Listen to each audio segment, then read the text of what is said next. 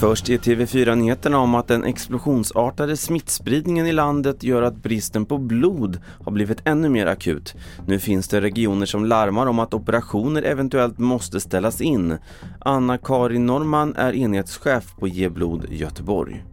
Allting som kan vänta får man skjuta upp helt enkelt.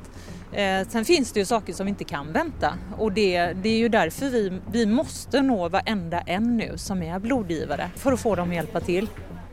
Det börjar bli trångt på häkten och fängelser och nu ska kriminalvården utreda förutsättningarna för att få fram 400 provisoriska platser. Det är i form av tillfälliga byggnader på flera anstalter runt om i landet. Samtidigt byggs permanenta så kallade typhus på flera fängelser, det uppger myndigheten. Sist om att en entrédörr i Helsingborg förstördes i samband med en explosion i ett flerfamiljshus i natt. Ingen person skadades men händelsen utreds som allmänfarlig ödeläggelse.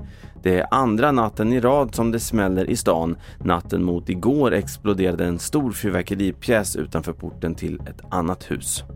Fler nyheter i appen TV4 Nyheterna. Jag heter Carl-Oskar Alsen.